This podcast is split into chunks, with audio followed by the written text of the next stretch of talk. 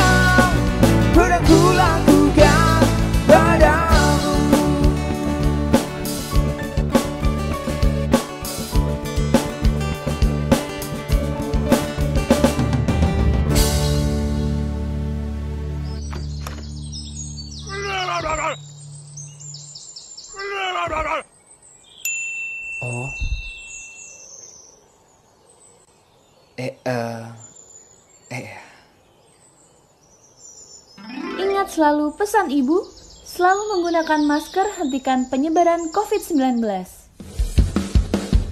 Ingat pesan ibu pakai maskermu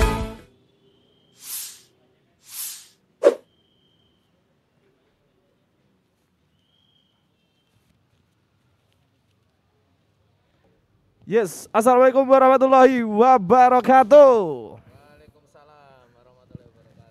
Selamat siang semuanya. Selamat datang di podcast Haro-Haro bersama Diskominfo Daerah Istimewa Yogyakarta.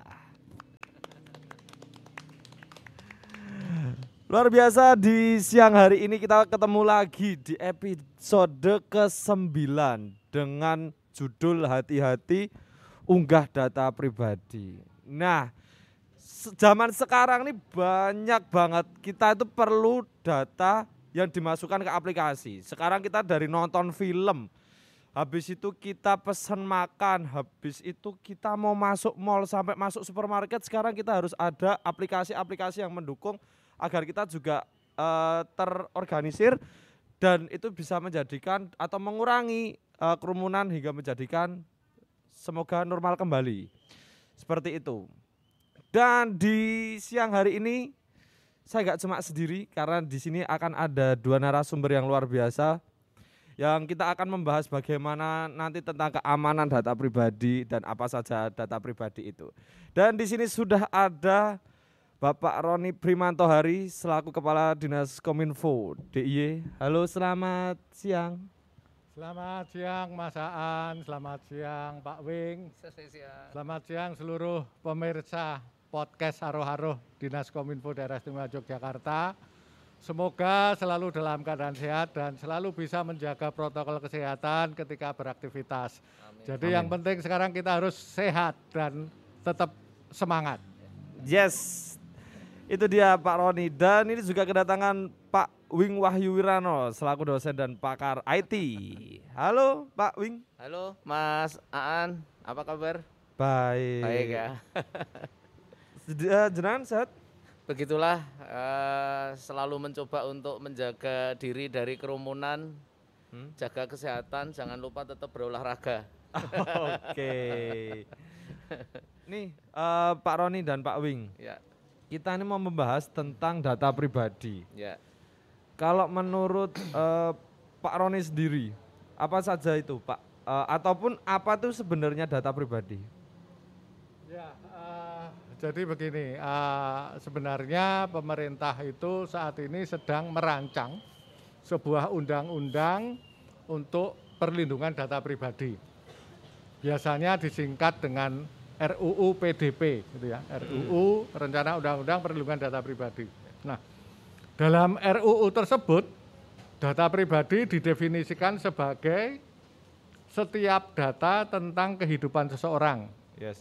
baik yang teridentifikasi dan atau dapat diidenti- diidentifikasikan secara tersendiri atau dikombinasi dengan informasi yang lain baik secara langsung maupun tidak langsung. Jadi data yang menyangkut tentang diri saya Ha-ha. ini dianggap sebagai sebuah data pribadi. Nah, gitu ya.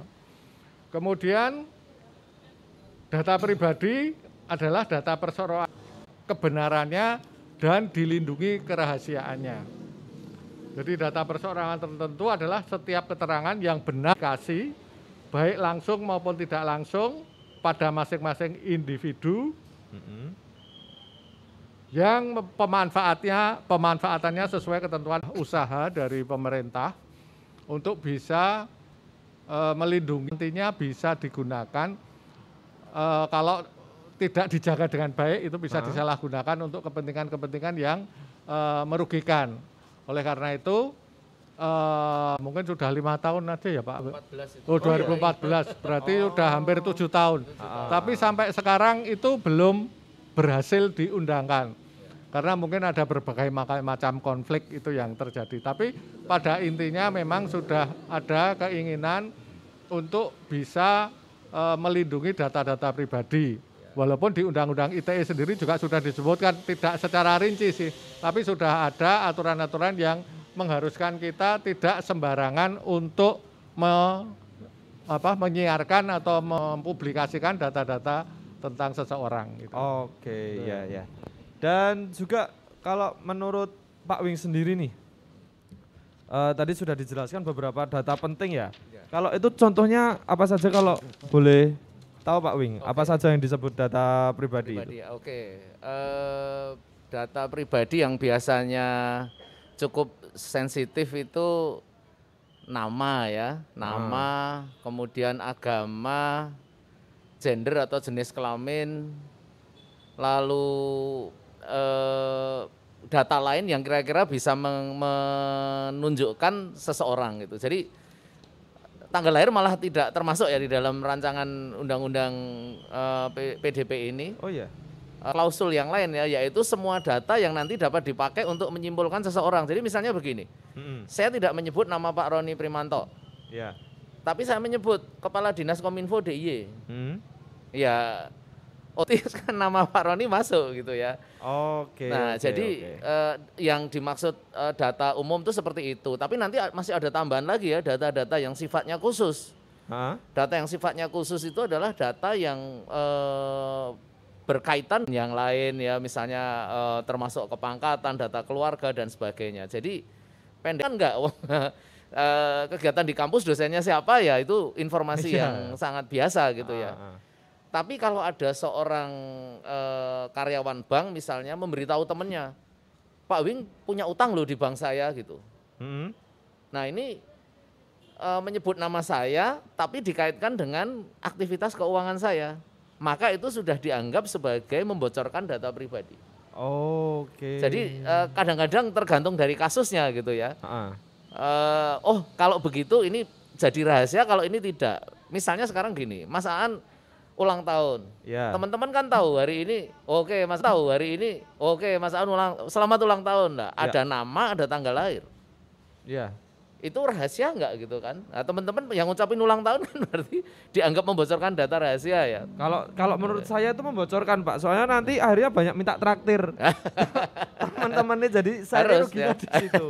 Memang harus begitu. Oh. Nah, jadi eh, ini jangan sampai data ini keluar ke publik lalu nanti akan merugikan orang tersebut. Nah, ini eh, memang yang tadi dikatakan oleh Pak Roni kadang-kadang ini menjadi sulit karena eh, kira-kira data ini rahasia atau tidak gitu kan. Yes. Kalau rahasia itu nanti boleh dibuka oleh negara enggak gitu. Karena di RUU PDP kan negara berhak membuka data seseorang atau data perusahaan gitu ya. Hmm, Nah, ini mungkin yang juga masih menjadi tarik ulur gitu ya. Waduh kalau nanti disalahgunakan oleh pemerintah bagaimana? Mungkin bukan oleh pemerintah sekarang, tetapi pemerintah-pemerintah berikutnya mungkin gitu ya. Nah ini saya juga nggak ngerti eh, bagaimana ya pemerintah mau menyalahgunakan data. Selama ini toh yang mencatat data penduduk ya pemerintah gitu. Oke. Nah, ya, jadi eh, kegiatan keuangan ya ada lembaga yang mengawasi kita semua kalau ada transaksi yang mencurigakan, mencurigakan PPATK juga akan eh, berhak melacak ini kok ada orang terima duit ini dari luar negeri untuk keperluan apa gitu ya. Yes. Jadi eh, eh, ya itulah kadang-kadang kita sulit mengatakan data pribadi ini bersifat rahasia atau tidak. Golongan darah misalnya itu rahasia atau tidak? Kalau dianggap rahasia karena termasuk data biometrik ya. Ya. Itu kalau dianggap rahasia. Lah kalau kita mau eh, nyumbang darah ke teman yang membutuhkan bagaimana? betul betul betul. Siapa yang golongan darahnya B, ya- yang A gitu. Oh rahasia golongan darah saya. Lo kan repot nanti ya gitu. Jadi Benar, Kalau benar. di balapan mobil atau balapan motor itu malah ditempel ke pembalapnya itu golongan darahnya apa. gitu. Karena nanti misalnya kecelakaan itu terus oh wes enggak usah ditanya Ya. ya golongan darahmu apa. ya ini Oke. jadi eh, serba repot di situ ya memang ya. Eh, Kadang-kadang ini rahasia dalam posisi apa tapi kadang-kadang juga tidak rahasia. gitu. Berarti memang eh, tidak ada patokan pastinya ya, seperti apa ya Pak ya? Sebetulnya ada, yaitu tadi yang disebut di RUU PDP itu Hah? tadi yang dimaksud dengan data eh, pribadi itu termasuk itu tadi nama, agama, eh, golongan darah, jenis kelamin dan keterangan lain eh, kewarganegaraan juga rahasia. Termasuk NIK data pribadi juga, ya. gitu juga ya. Nah, data pribadi lah, tapi masa kita semua merahasiakan kewarganegaraan kita gitu ya. Itu data pribadi yang sebetulnya juga nggak masalah untuk dibuka gitu ya. Tapi dalam kasus tertentu ya jadi rahasia. Oke. Kalau menurut eh, Pak Roni, kan kemarin sempat ada case besar ya. Ya, Itu kebocoran data di beberapa aplikasi ya. yang istilahnya sekarang kita meng, apa ya diharuskan mendownload dan memasukkan data pribadi kita di aplikasi tersebut. Tapi kemarin sempat terjadi kebocoran data di situ. Eh, kalau menurut Pak Roni sendiri, tanggapannya seperti apa, Pak? Ya kita harus mendefinisikan dulu yang dimaksud bocor sebagai apa gitu ya. Bocor karena sistemnya atau bocor karena prosedurnya atau bocor karena orangnya gitu ya yang mengelola data itu sendiri. Nah sebenarnya eh, yang dimaksud data pribadi kita itu sebenarnya saat ini sudah tersebar di banyak sistem gitu ya. Kayak saya ini data saya itu sudah ada di datanya di kepegawaiannya Pemda DIY ya Oke. kan gitu. Kemudian mungkin juga ada di bank. Ya, data saya itu ada di bank. Mm-mm. Data bahkan di sana mungkin eh, sampai ke nama ibu saya pun Iya. biasanya ada gitu ya. Ada, ya. Kemudian data di BPJS mungkin ya, saya Ya. ikut BPJS itu di asuransi gitu. Kemudian mungkin juga data ketika saya mendownload sebuah aplikasi tertentu gitu ya, atau menggunakan aplikasi tertentu misalnya untuk keperluan media sosial di Facebook, di Instagram itu kadang-kadang kan kita harus mengisi data. Betul. Walaupun banyak juga yang mengisi dengan tidak benar gitu ya. Tapi eh, banyak orang mengisi itu dengan data yang sesungguhnya gitu ya. Dan itu bisa dilihat oleh banyak orang kalau dia tidak merahasiakan artinya misalnya tanggal lahir. Itu kan kadang-kadang di Facebook itu muncul gitu ya. Hmm. Setiap tanggal sekian terus ada pengumuman di Facebook kalau orang ini tanggal lahirnya sekian, saat ini sedang ulang tahun dan sebagainya. Walaupun kalau saya tuh tak tutupi itu, ya. supaya nggak diminta traktir tadi tuh Pak. Nah, kemudian eh, data-data tersebut Ha-ha. itu memang harus kita dilindungi, tapi sejauh mana dilindunginya itu juga tergantung dari kita sendiri gitu ya. Oke. Seperti tadi kalau kayak saya di Facebook, saya nggak nyantumkan sih nama apa tanggal lahir saya gitu ya. Walaupun saya isi, tapi yang bisa melihat hanya saya. Oke. gitu ya. Kemudian di sana juga ada eh, mungkin alamat saya atau mungkin eh, apa eh, gender itu tadi. Nah, hanya saja memang kadang-kadang kita itu lupa bahwa eh, ketika kita ikut me- atau ki- ketika kita apa ketika kita mendownload atau menggunakan sebuah Aha. pelayanan itu kan di sana kadang-kadang ada syarat dan ketentuan gitu ya. Ya. Nah kita mungkin kadang nggak baca atau dicentang-centang-centang akhirnya ya kalau misalnya suatu saat Facebook itu menggunakan data kita apa itu salah lah kemarin kan saya sudah mencetak kan gitu Oh, misalnya oke, kayak gitu. oke. Nah Iya, ini iya. yang mungkin perlu diwaspadai. Hanya saja memang apakah eh, semua data itu harus dirahasiakan apa tidak? Ya itu mungkin itu tadi seperti Pak Wing tadi cerita gitu. Nek nama saya dirahasiakan, aku lagi undang aku piye ya. Nah, gitu. Nek misalnya gender saya dirahasiakan, nah, terus Iya. engko nek arep nganu piye? Nek arep mlebu teng toilet itu mau di mana gitu kan. Iya, itu iya, sudah, itu kan ada toilet ladies and gent. Nah, Oke. Nah ini hal-hal yang mungkin hanya memang ada data yang sangat pribadi yang tidak boleh orang lain eh, mengetahui dan itu harus kita jaga benar-benar. Gitu ya. Misalnya apa? Misalnya username sama password misalnya Oke. di email gitu. Atau mungkin pin ATM. Ha-ha. Nah, atau mungkin data yang apa OTP Iya. gitu, Iya, data betul. OTP yang Iya. selanjutnya. Nah, nah hal-hal seperti itu harus diketahui. Kadang-kadang kan kita dikirimi WA nih atau email atau mungkin bahkan SMS. Pak, maaf itu tadi OTP-nya masuk di situ. Loh, Nggak mungkin don. Iya, Nah, iya. itu nah itu yang harus diwaspadai hal-hal seperti itu. Jadi memang kita tidak bisa me- menyimpan data kita itu serapat-rapatnya itu memang tidak mungkin karena kita sudah menyebarkan secara sendirian. Jadi kalau tadi soal bocor itu tadi NIK, lah wong sekarang apa NIK saya itu sudah ada di mana-mana kok. Iya. Kalau nanti buka websitenya Pak Roni Primanto hari di sana ada NIK saya, NIP saya, Oh. tanggal lahir saya itu Iya, bisa iya. dilihat di sana. Dan itu juga menjadi salah satu bagian dari keterbukaan informasi publik. Oke. Nah, oke. hanya saja memang ada beberapa data yang memang harus dikip, misalnya tentang kesehatan dan sebagainya. Jadi soal bocor dan sebagainya itu harus dilihat dari berbagai sudut. Sistemnya apa? Kalau sistemnya yang bocor, nah itu penanggung jawab ber- yang bertanggung jawab adalah yang pengelola sistem. Kalau personalnya yang bertanggung jawab, apa kalau itu sistem uh, orangnya sendiri yang membocorkan ya mau gimana lagi gitu ya. Seperti oke. kemarin NIK dari seorang pejabat kok bisa dilihat lah ya waktu dia mendaftar jadi calon pejabat itu kan ada NIK-nya yang harus ditampilkan Ya. supaya orang bisa tahu latar belakang orang itu dan nantinya dia bisa ikut memilih dan sebagainya. gitu. Oke. Oke Pak Roni dan dulur-dulur penonton semuanya. Pokoknya jangan ke mana-mana dan nanti kita akan ada kuis, eh, ada pertanyaan. Jadi teman-teman yang akan mengajukan pertanyaan nanti eh, bisa langsung ke kolom YouTube-nya.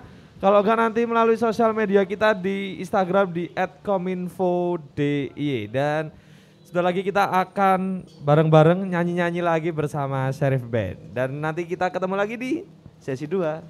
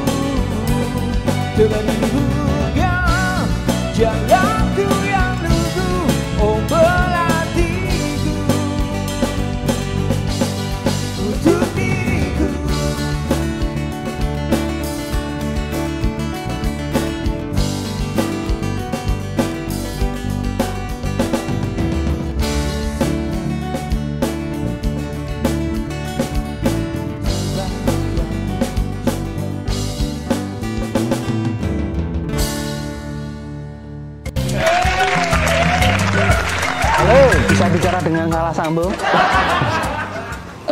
ya kamu itu yang tak telepon dari tadi saya telepon vaksin. Sudah saya minggu lalu. Aman, aman. Loh, lah ya lagi nongki dong, nongki, nongki barata. kan udah boleh dinein, dinein makan di tempat dulu. Iya. Ya mosok di rumah terus. Nah, nanti lama-lama jadi ayam goreng crispy. Eh, garing toh ya.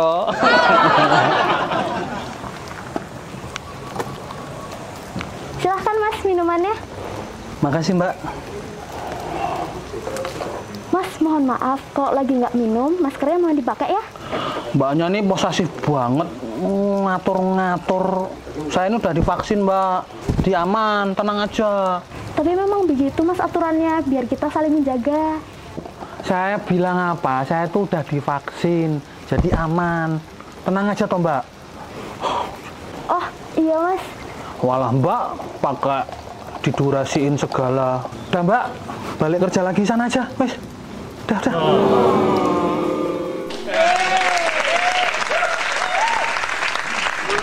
Wong udah dijelasin kalau saya tuh udah vaksin. Hmm, mbak itu ngatur-ngatur. Wis. Allah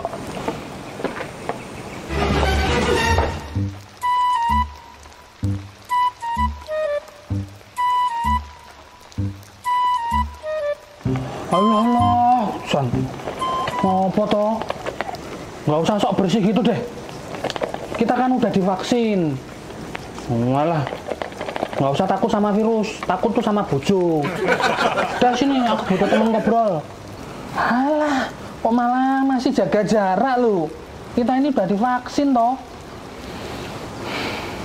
Gini ya bro, meskipun sudah divaksin, kita tetap harus jaga protokol kesehatan. Jadi, sudah vaksin itu bukan berarti kita kebal dan bisa seenaknya gitu. Prokes juga tetap harus dijalanin. Mencuci tangan dengan sabun, memakai masker, menjaga jarak, menjauhi kerumunan, menjaga mobilitas, dan sekarang ditambah menghindari makan bersama. Nah, itu semua tetap harus diterapkan, termasuk 20 menit untuk durasi makan. Kalau masih nggak cukup, kan bisa take away. Sekali lagi, vaksin itu bukan berarti kita bisa sesukanya. Kita juga harus saling menjaga. Hmm, ya berarti aku salah ya selama ini ya. Oke, oke, oke. Yaudah, dihabisin itu minumannya. Terus maskernya, masker dipakai.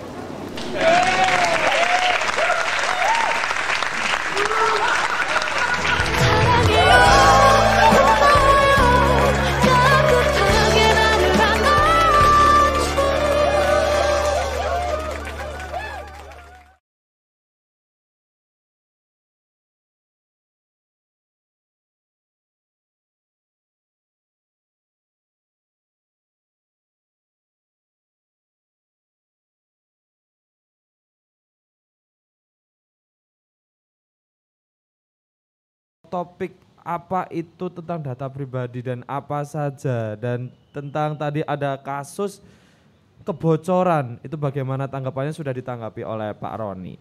Dan untuk Pak Wing nih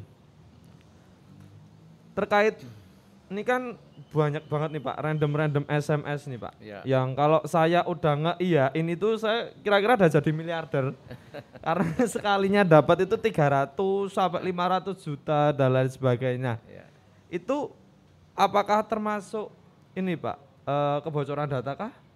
Seperti Oke. itu? Oke.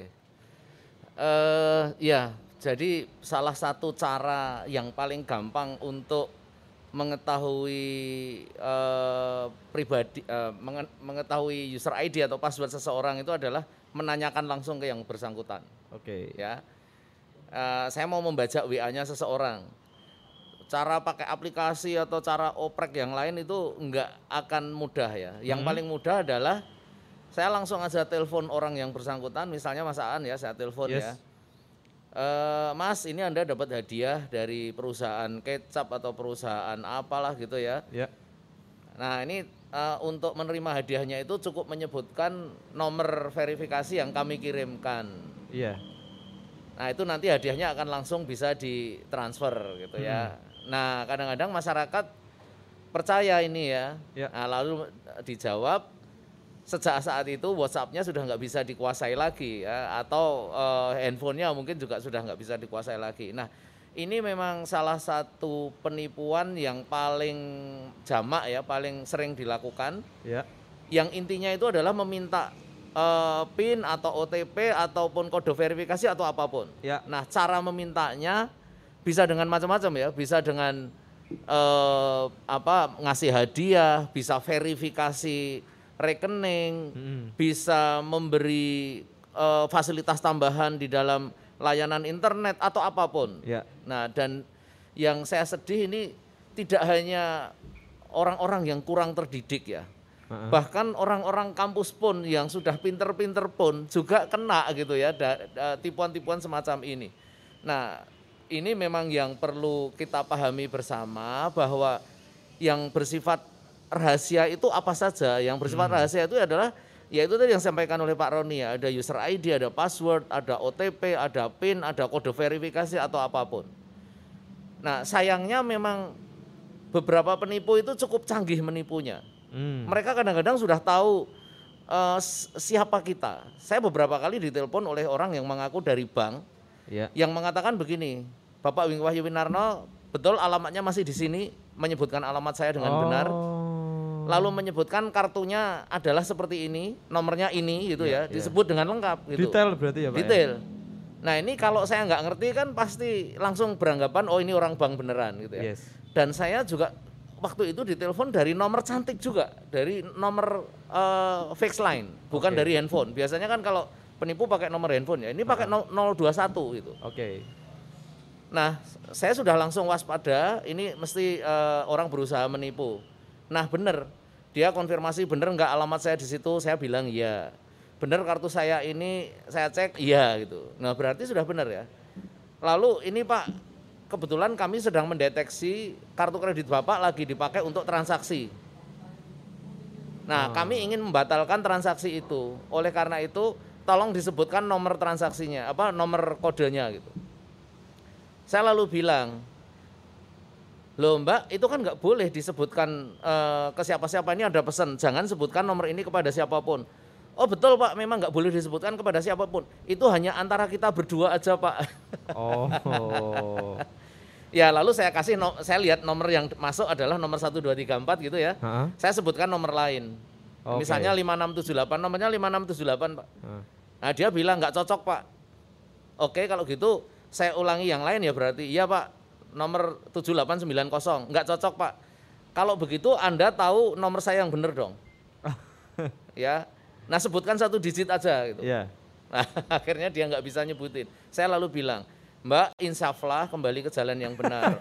Anda dari tadi itu mau menipu saya, tapi saya itu kan ahlinya menipu. Jadi nggak bisa Salah sasaran ya? Salah sasaran gitu ya. Dan itu kebetulan saya, saya rekam, saya taruh di YouTube saya. Gitu.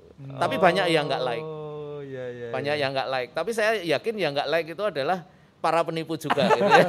karena rahasianya terbongkar. Kedok-kedoknya terbongkar ya. Iya. Oke, berarti kita juga harus ini ya, eh, Pak Wing. Harus bisa memilah ya siapa Iya. yang menghubungi kita, siapa yang meng-SMS. Iya. Kayak gitu tidak sembarangan bisa memberikan kode OTP, Mm-mm, tidak iya. memberikan kode verifikasi seperti itu ya Pak Wing ya. Ya, eh, saya pernah juga gini. Dia minta nama ibu kandung saya. Hmm. Eh, dia juga nyebut sama, tapi saya kira ini bank beneran gitu ya. Ah. Bank beneran karena dia tahu transaksi terakhir saya kapan gitu. Tapi dia bertanya nama ibu kandung saya. Saya bertanya, loh Mbak, kenapa konfirmasi kok pakai bertanya nama ibu kandung saya? Ya, eh, saya nggak mau nyebut loh, tapi ini untuk verifikasi rekening bapak. Oke, kalau saya mau verifikasi hanya menyebut huruf yang keberapa dari nama ibu saya. Saya bilang gitu. Oh. Nah silahkan, Anda mau minta nah, huruf yang keberapa? Saya kasih. ya harus semuanya Pak. Oke, saya nggak mau. Nah, kalau gitu rekening Bapak akan diblokir, nggak apa-apa. Saya punya rekening bank yang lain kok. Saya bilang Oh. gitu. Jadi eh, untung akhirnya kok nggak diblokir juga ya. Nah itu, jadi nama ibu kandung itu rahasia nggak gitu ya? Tadi sampaikan Pak Roni, ya, nama ibu kandung itu juga sebenarnya rahasia kita. Iya, lah iya. tapi kayak Ibu Puan Maharani, semua orang tahu siapa ibunya. Betul betul. repot juga gitu kan. Ya itu jadi kita harus hati-hati. Ini makanya pemerintah juga eh, sering mengadakan kegiatan-kegiatan. Kementerian Kominfo baru kemarin siang eh, menyelenggarakan acara Indonesia Makin Cakap Digital. Saya Yes. juga salah satu su- narasumbernya. Yang intinya adalah masyarakat itu masih banyak yang mudah tertipu seperti ini. Ya ini memang kasihan ya. Kita eh, harus mendidik masyarakat supaya lebih melek digital. Karena ini kita sekarang sudah hidup di dunia yang berbeda ya. Ya. Sekarang kita hidup di dunia eh, dua alam. Di alam nyata atau di dunia fana dan Ah. di dunia maya Oke. gitu kan. Itu caranya sudah berbeda walaupun akibatnya sama. Oke oke. Eh, eh, gitu ya, hati-hatilah gitu. Siap. Dan eh, gimana tanggapannya untuk Pak Roni atau dari pemerintah sendiri? Apakah ada tindakan? Ya, eh, jadi kalau pemerintah sendiri, kalau terutama kalau Pemda DIY ya, Pemda DIY ini juga mengelola data pribadi. Artinya data kependudukan itu menjadi salah satu data yang dikelola oleh pemerintah. Di sana kalau dikoneksikan dengan berbagai apa informasi yang lain mungkin akan bisa membuka atau mengetahui tentang banyak banyak hal gitu ya. Bahkan kita itu juga harus eh, setiap tahun kan pejabat itu juga harus melaporkan data kekayaan pribadinya gitu ya. Hmm. Oh, itu nah di situ itu adalah data-data yang sebenarnya kalau anu kan itu data pribadi, tapi itu harus ada keharusan untuk melaporkannya. gitu ya. Ya. Nah itu sudah menjadi salah satu hal yang memang eh, tidak semua data pribadi itu bisa kita simpan eh, sesuai dengan keinginan kita karena memang ada banyak hal yang harus kita s- buka agar masyarakat me- memahami dan mengetahui tentang kredibilitas kita juga gitu ya. Nah di samping itu memang dalam sistem server data center kita itu saat ini sudah terverifikasi oleh ISO 27001 terkait dengan keamanan informasi.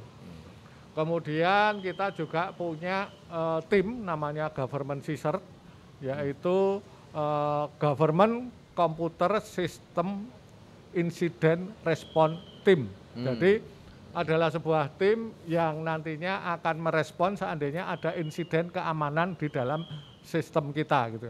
Oke. Dan itu anggotanya di samping dari eh, pemerintah sendiri juga kita mengajak beberapa stakeholder yang menguasai sistem keamanan atau cyber security untuk menjadi tim kami. Namun demikian sebenarnya untuk membocorkan sebuah data pribadi itu ada banyak hal yang bisa dilakukan gitu ya. Ya. Yang pertama mungkin ada celah keamanannya yang memang bocor, celah keamanannya bocor. Nah ini mungkin adalah sebuah sistem yang harus kita perbaiki karena celah keamanannya bocor. Ini suatu hal yang juga sangat eh, sangat riskan kalau kita hanya sembarangan dalam mengembangkan sebuah sistem, terutama sistem-sistem yang mengolah data pribadi atau terkait dengan transaksi elektronik. Nah kemudian juga misalnya kalau itu tadi seperti yang dibicarakan oleh Pak Wing kalau ada orang yang berhasil menipu menipu mungkin mungkin administratornya atau operatornya atau mungkin malah apa pimpinannya sehingga dia bisa mendapatkan akses untuk bisa masuk ke dalam sistem kita.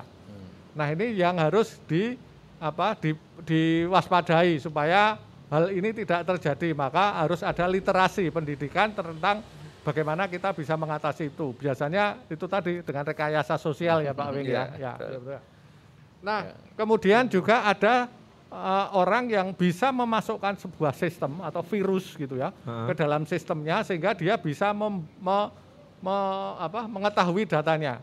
Ini dulu banyak terjadi ketika ada ransomware kalau nggak Oh salah iya, ya. betul. Ketika waktu itu eh, sistem keamanan di rumah sakit, terutama sistem informasi rumah sakit itu banyak diserang.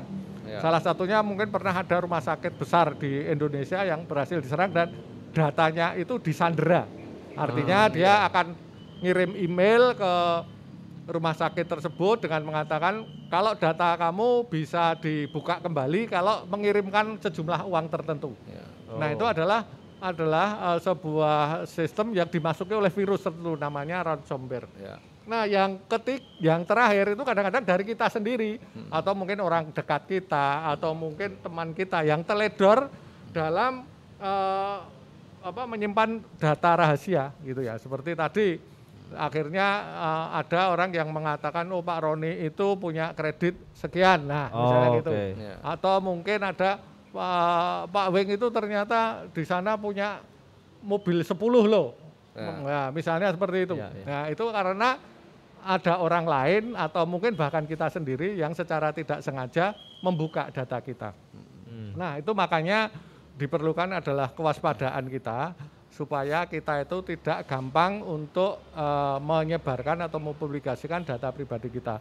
Jadi yang paling penting adalah memang di samping sistemnya adalah diri kita sendiri Ya, untuk betul. tidak menyebarkan informasi kita secara apa vulgar gitu ya. Oke. Makanya ketika kita di media sosial, kemudian di apa platform-platform media sosial yang lain itu kadang-kadang tidak semua data bisa kita tampilkan. Padahal sistem sendiri kan juga mempunyai fitur-fitur yang eh, bisa merahasiakan data kita. Iya. Paling cuma namanya saja deh gitu ya. Iya. Tapi tanggal lahir, mungkin alamat, kemudian gender, bahkan sekolah kita dan sebagainya kan bisa kita rahasiakan. Iya, iya. Nah itu mungkin yang perlu kita perhatikan. gitu. Oke. Ya. Tapi dari pemerintah sendiri eh, sudah mengeluarkan regulasi ya Pak Roni ya? Ya, ya tadi sudah saya sebutkan bahwa memang kita sedang berusaha untuk membuat rancangan undang-undang perlindungan data pribadi. Namun sampai sekarang belum berhasil diundangkan. Mungkin masih dalam proses untuk eh, pembahasan. Ya. Tapi eh, sebenarnya sudah ada namanya Undang-Undang Informasi Tran- Transaksi Elektronik di mana salah satu pasalnya itu juga menyebutkan bahwa kita tidak boleh mengakses atau mungkin mempublikasikan data-data yang bukan menjadi kewenangan kita, bukan menjadi hak kita. Nah, itu mungkin salah satu yang mungkin bisa digunakan saat ini untuk melindungi data-data pribadi yang dimiliki oleh seseorang. Dan kita yang jelas bahwa ketika kita akan me, apa, akan memberikan data pribadi kita, kita tidak bisa menyerahkan sepenuhnya. Artinya kita harus ada sedikit rasa curiga gitu ya. Ya. rasa Ya. curiga bahwa jangan-jangan orang ini nanti akan menyebarkan data kita. Walaupun mereka punya jaminan gitu ya, misalnya data bank.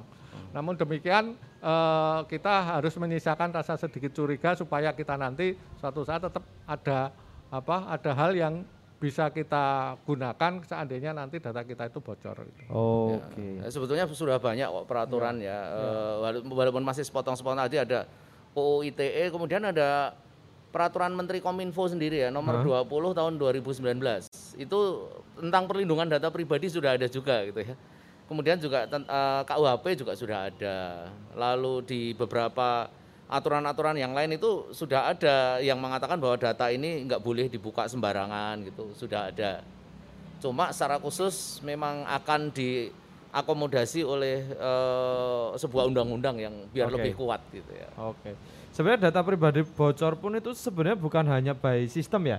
Tapi kan Iya. sekarang kayak fotokopi, Iya. terus kadang kan kita fotokopi Ya, KTP. ya, makanya fotokopi kemarin kan gitu. ada himbauan dari Kementerian Kominfo Ah. Eh, apa sertifikat vaksin itu nggak usah dicetak nggak apa-apa karena sudah ada di Oke. sistem. Sudah nah ada kadang-kadang ketika kita cetak terus kita dandake untuk menjadi sebuah kartu gitu kan kadang Iya. lagi pengen nah tukang kartunya tuh bisa nyateti NIK kita. Iya. Oh iya iya iya. Nek misalnya dia tahu NIK, tahu nama, terus kemudian tahu kakaknya juga, mungkin suatu saat bisa dipakai untuk daftar kartu seluler gitu loh. Iya. Karena Oh, data iya, iya. tiga data itulah yang digugakan untuk Kartu seluler. kartu seluler. Iya. Saya kan kadang ada dibungkus nasi, biasanya nasi kucing itu pas Iya. dibuka kakaknya orang kayak gitu.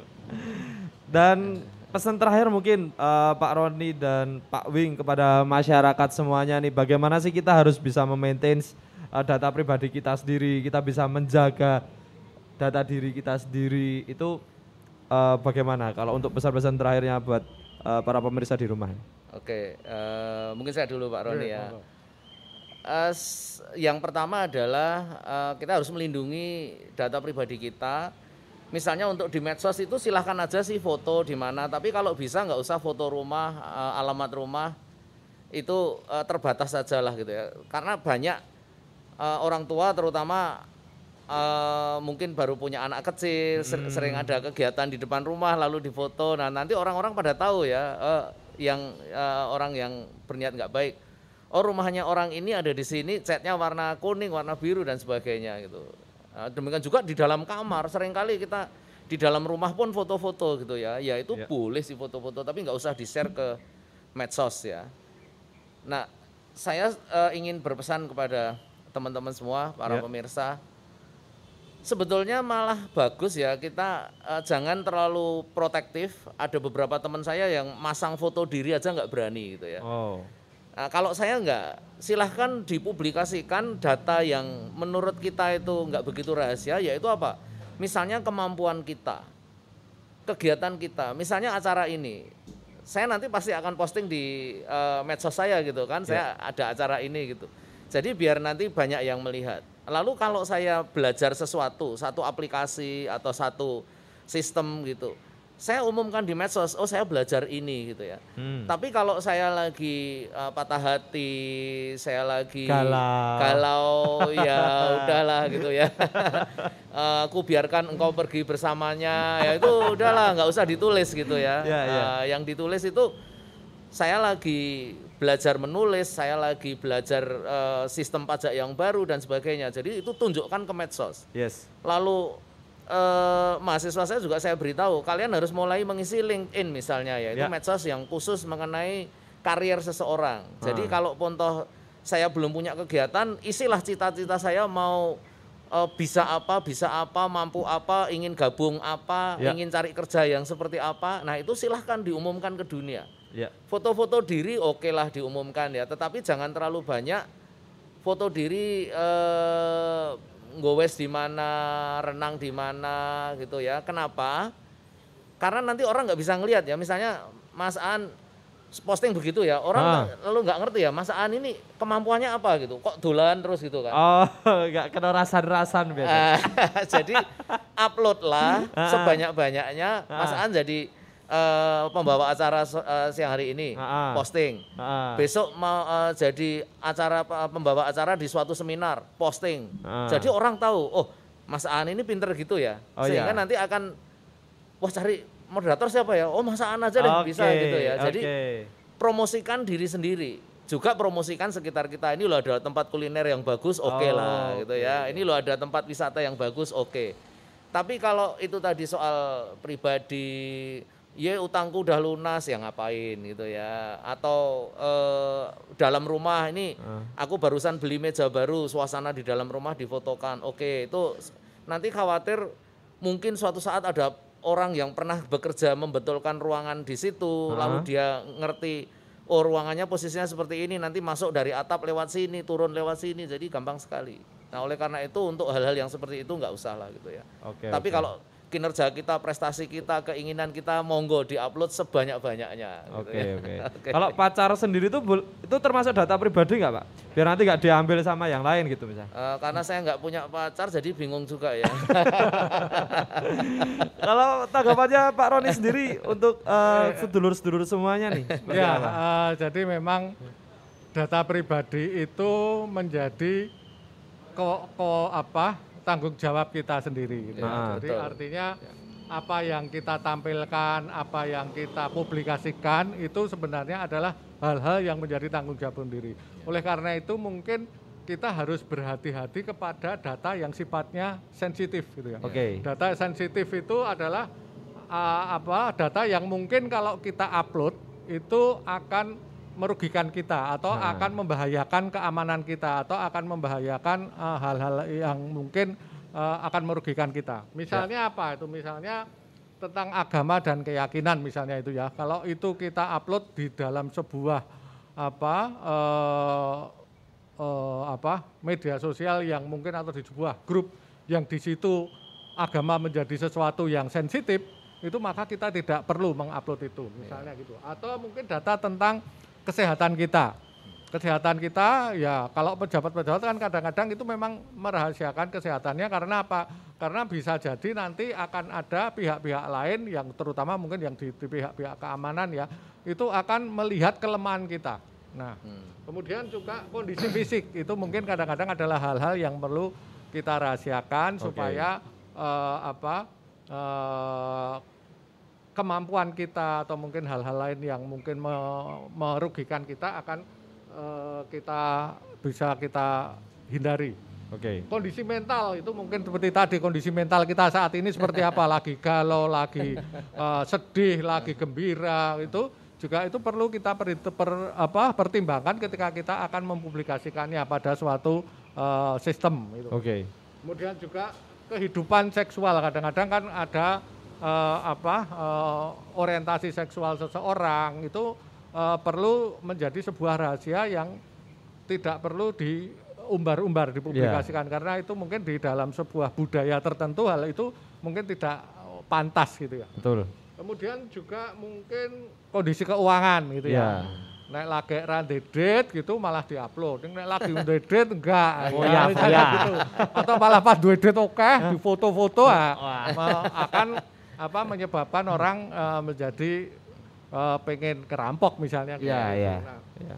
Kemudian hal-hal lain yang sifatnya privacy itu mungkin perlu di eh, kita pertimbangkan ketika kita akan menguploadnya. Oleh karena itu sekali lagi data pribadi kita itu adalah data yang menjadi tanggung jawab kita sehingga ketika kita akan mempublikasikan atau mengupload atau apa pun kita harus eh, ada rasa curiga di dalam sebuah sistem yang akan kita masuki dan sebagainya sehingga tidak semua data harus kita buka.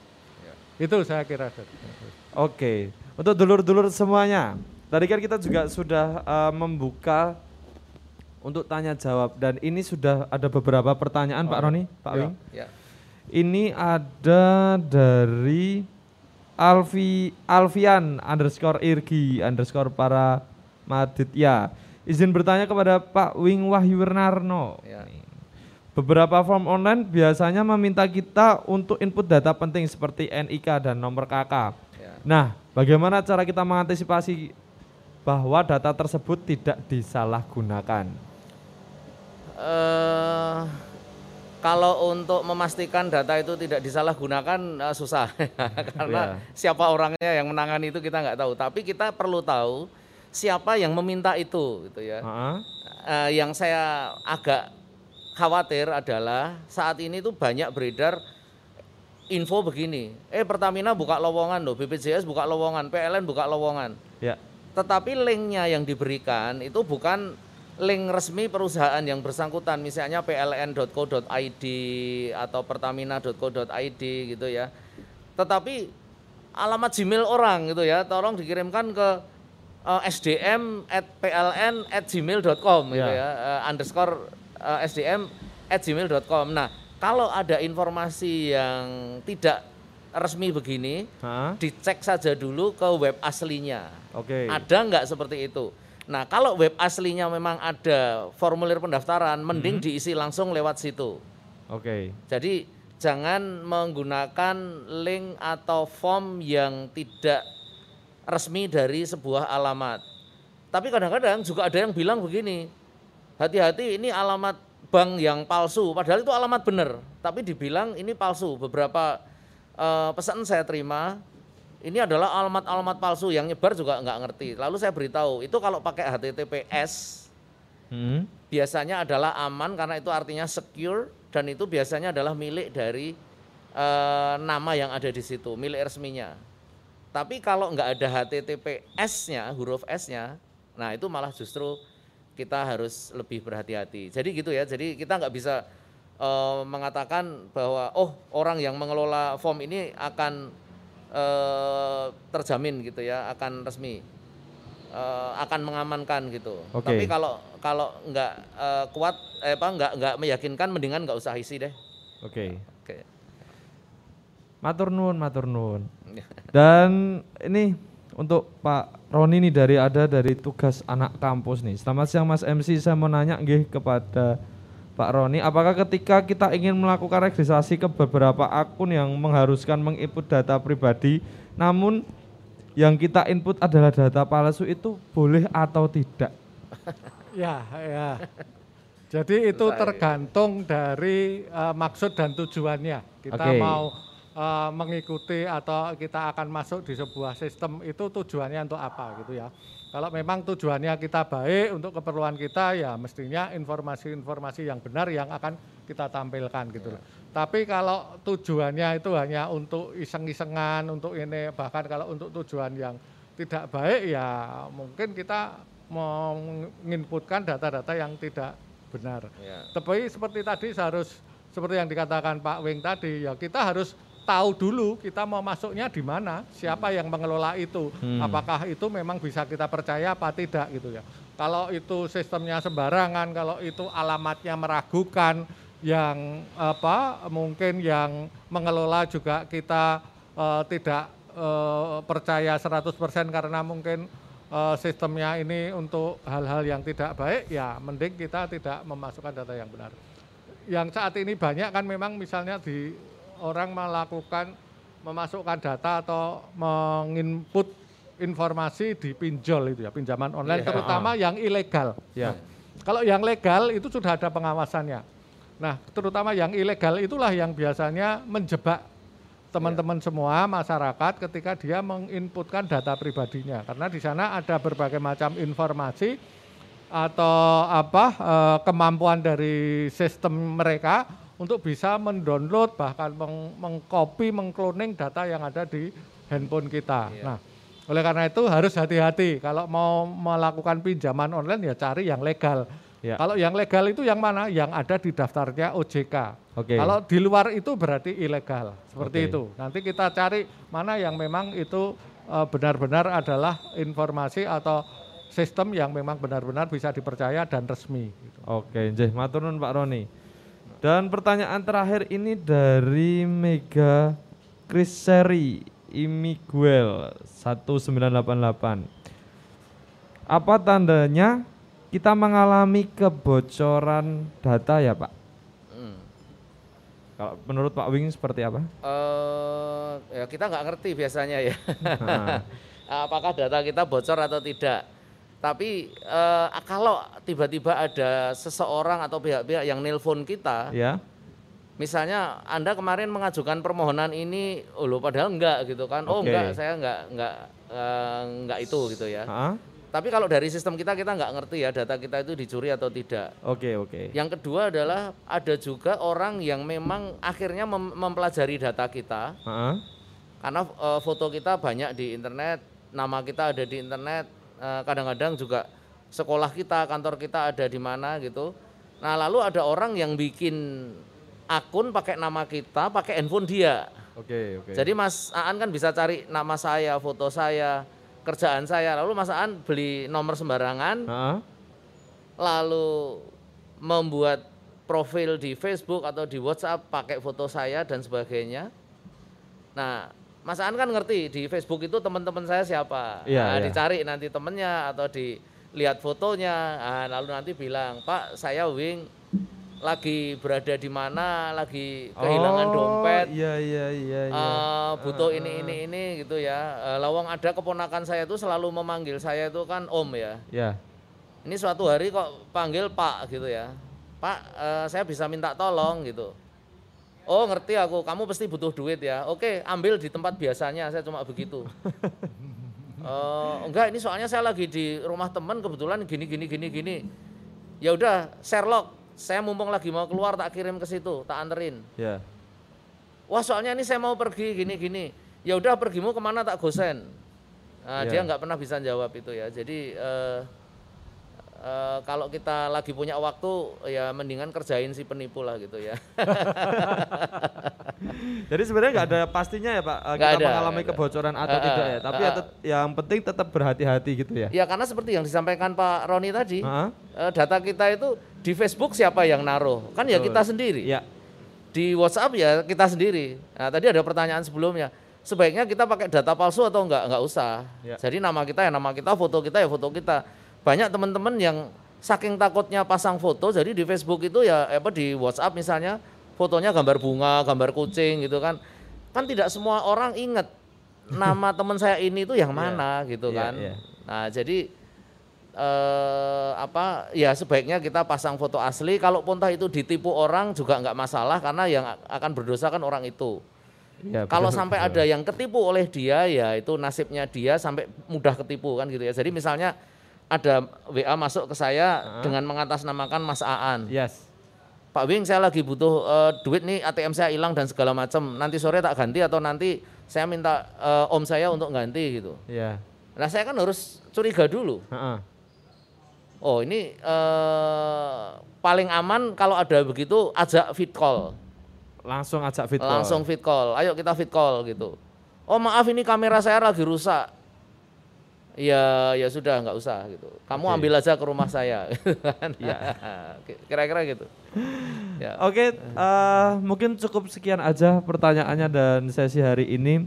Saya mengucapkan matur nuwun kepada Pak Wing, Sami-sami. Pak Roni matur nuwun semoga sehat-sehat selalu dan kepada dulur-dulur semuanya kita harus pintar-pintar menjaga data diri kita sendiri dan bagaimana kita bisa mengelola akun sosial media kita agar eh, data kita pun juga tidak bocor dan tidak disalahgunakan seperti itu. Dan podcast Aruh-Aruh ke-9 ini kita sudahi sampai sekarang. Dan terima kasih untuk semua yang sudah menonton dan sehat-sehat semuanya dan jangan lupa vaksinasi. Sampai jumpa. Oke.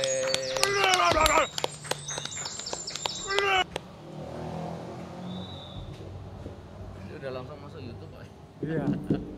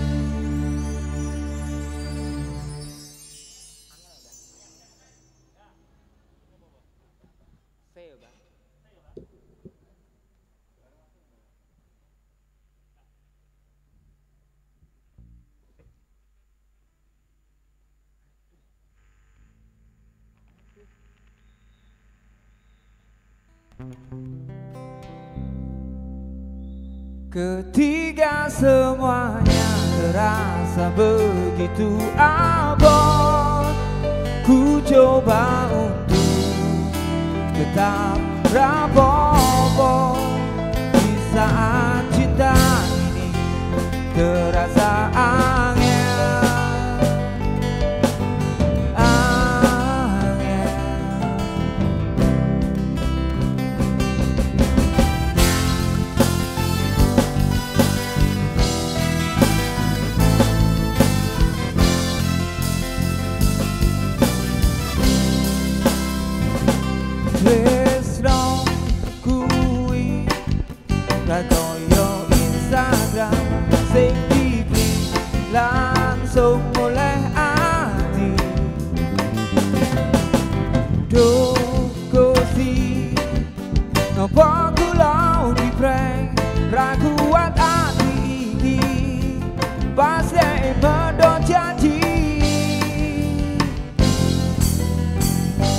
are you